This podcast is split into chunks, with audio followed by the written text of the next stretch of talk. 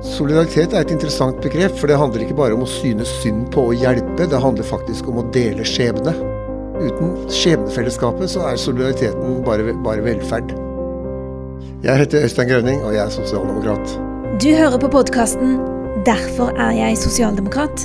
Her får du høre personlige og politiske historier fra den breie arbeiderbevegelsen i dag. Hei, Øystein. Hvorfor er du sosialdemokrat?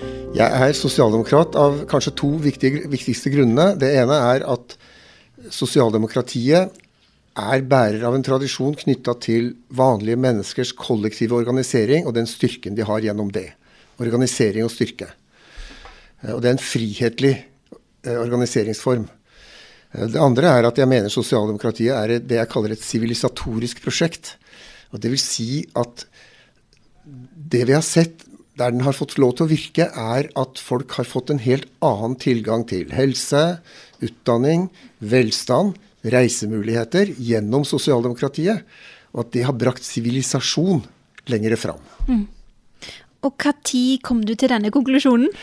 Ja, Det har nok tatt tid.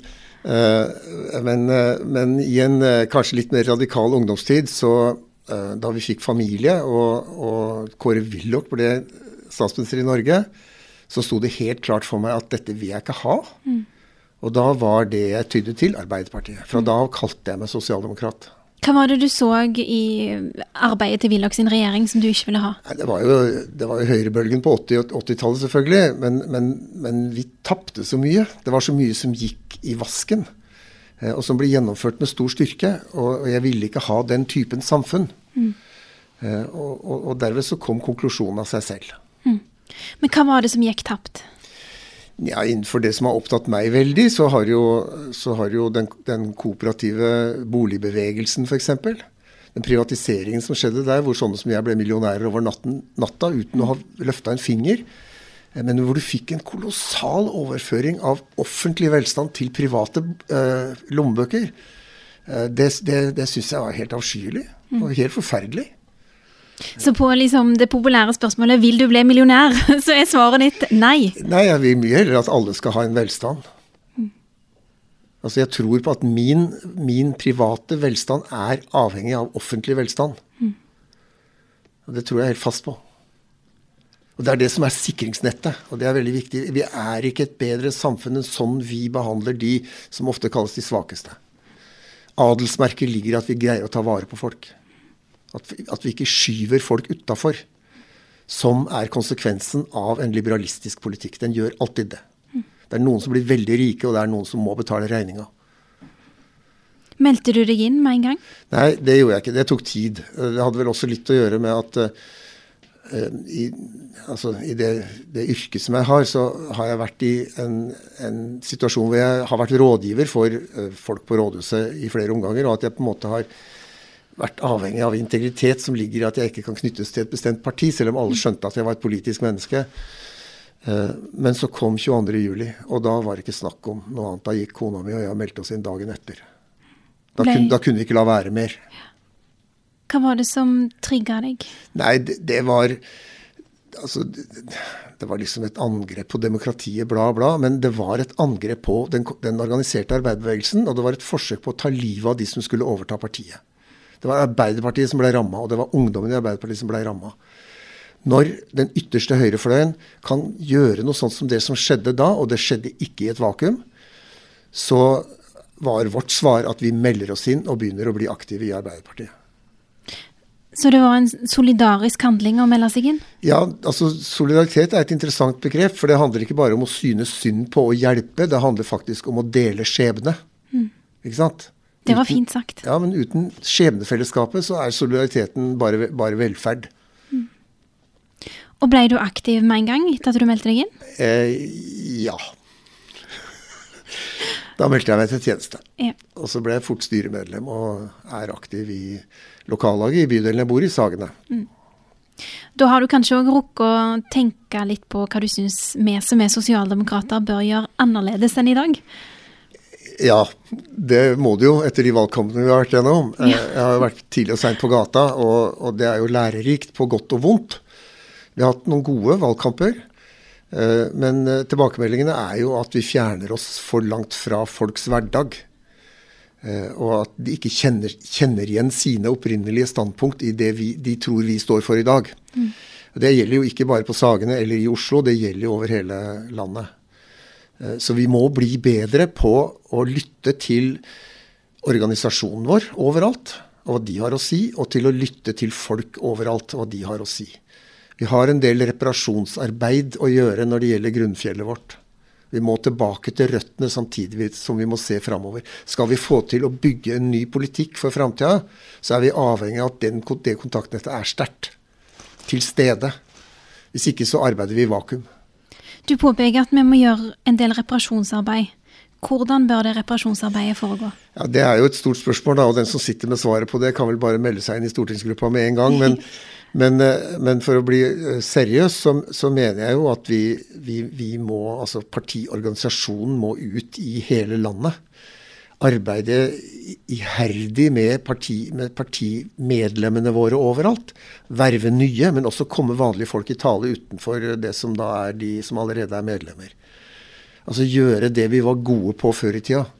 Og egentlig inntil for ikke så fryktelig lenge sida. Jeg husker godt uh, Torbjørn uh, J. Han var overalt hele tida. Han reiste rundt i landet hele tida. Kjente hele partiet overalt i landet. Det er et bilde på hvordan det bør være. Men opplever du at vi er for lite til stede rundt om i landet i dag? Altså Det jeg hører, er at, at, at vi er det. Jeg er ikke så mye rundt i landet sjøl og, og, snakker i partisammenheng, men, men, eh, det er det jeg får tilbakemelding på. Det er jo selvfølgelig også en medievirkelighet som mediene elsker å bygge opp under. ikke sant? De fordommene mot oss elsker de å underbygge. Vi er jo prygelknaben for alle ting hele tida. Det er veldig kjedelig. Jeg syns det er et, veldig rart f.eks. i Oslo at når, når, det er Arbeiderpartiet som har vært garantisten for å gjennomføre alle miljøtiltakene, så er det MDG som får stemmene. Det syns vi er rart, for det var vi på Sagene som satte i gang miljøarbeidet. Mm. Det var Oslo Arbeidersamfunn som vedtok bilfritt sentrum, og det gjorde de i 1998. Så, så det er jo vår gamle politikk de høster av nå. Det må de gjerne, men det er, de er våre allierte. Men det er faktisk vi som står for den politikken, og, og da syns jeg vi skal høste av den òg.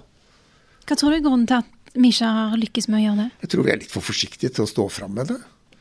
Eh, men jeg ser jo det vi forsøker oss på igjen da, i Sagene bydel, det er jo å, å lage sånne eh, verksted hvor vi inviterer folk til å, å Nå skal vi ta, ha et møte snart om det grønne skiftet. Hva betyr det for bydelen vår?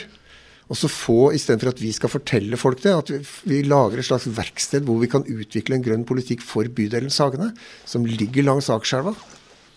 Og jeg minner om at den som lagde Akerselva miljøpark, hun heter Sissel Rønbeck ja. og var miljøvernminister. Og hun bor på Sagene og er med i styret i Sagene Arbeiderparti sammen med meg. Det er veldig kjekt å høre. Du sier vi må høre mer på grasrota. Ja. Hva slags budskap er det du opplever at grasrota vår har, som vi i dag går glipp av? Jeg tror uh, at uh, helsereformene, altså foretaksmodellen i helsevesenet, er veldig upopulær i Arbeiderpartiet. Og Det så vi i representantskapet i Oslo i fjor, da, da det kom et enstemmig vedtak om at Ullevål skal utredes. Men som ikke ble fulgt opp sentralt politisk. Politireformen og den slags er også upopulære tiltak. Og det er vanlig å være imot dem i partiet vårt. Vi er også veldig imot de som, altså profitørene på velferdssida. Og vi skjønner ikke hvorfor de er kommet i den posisjonen de er.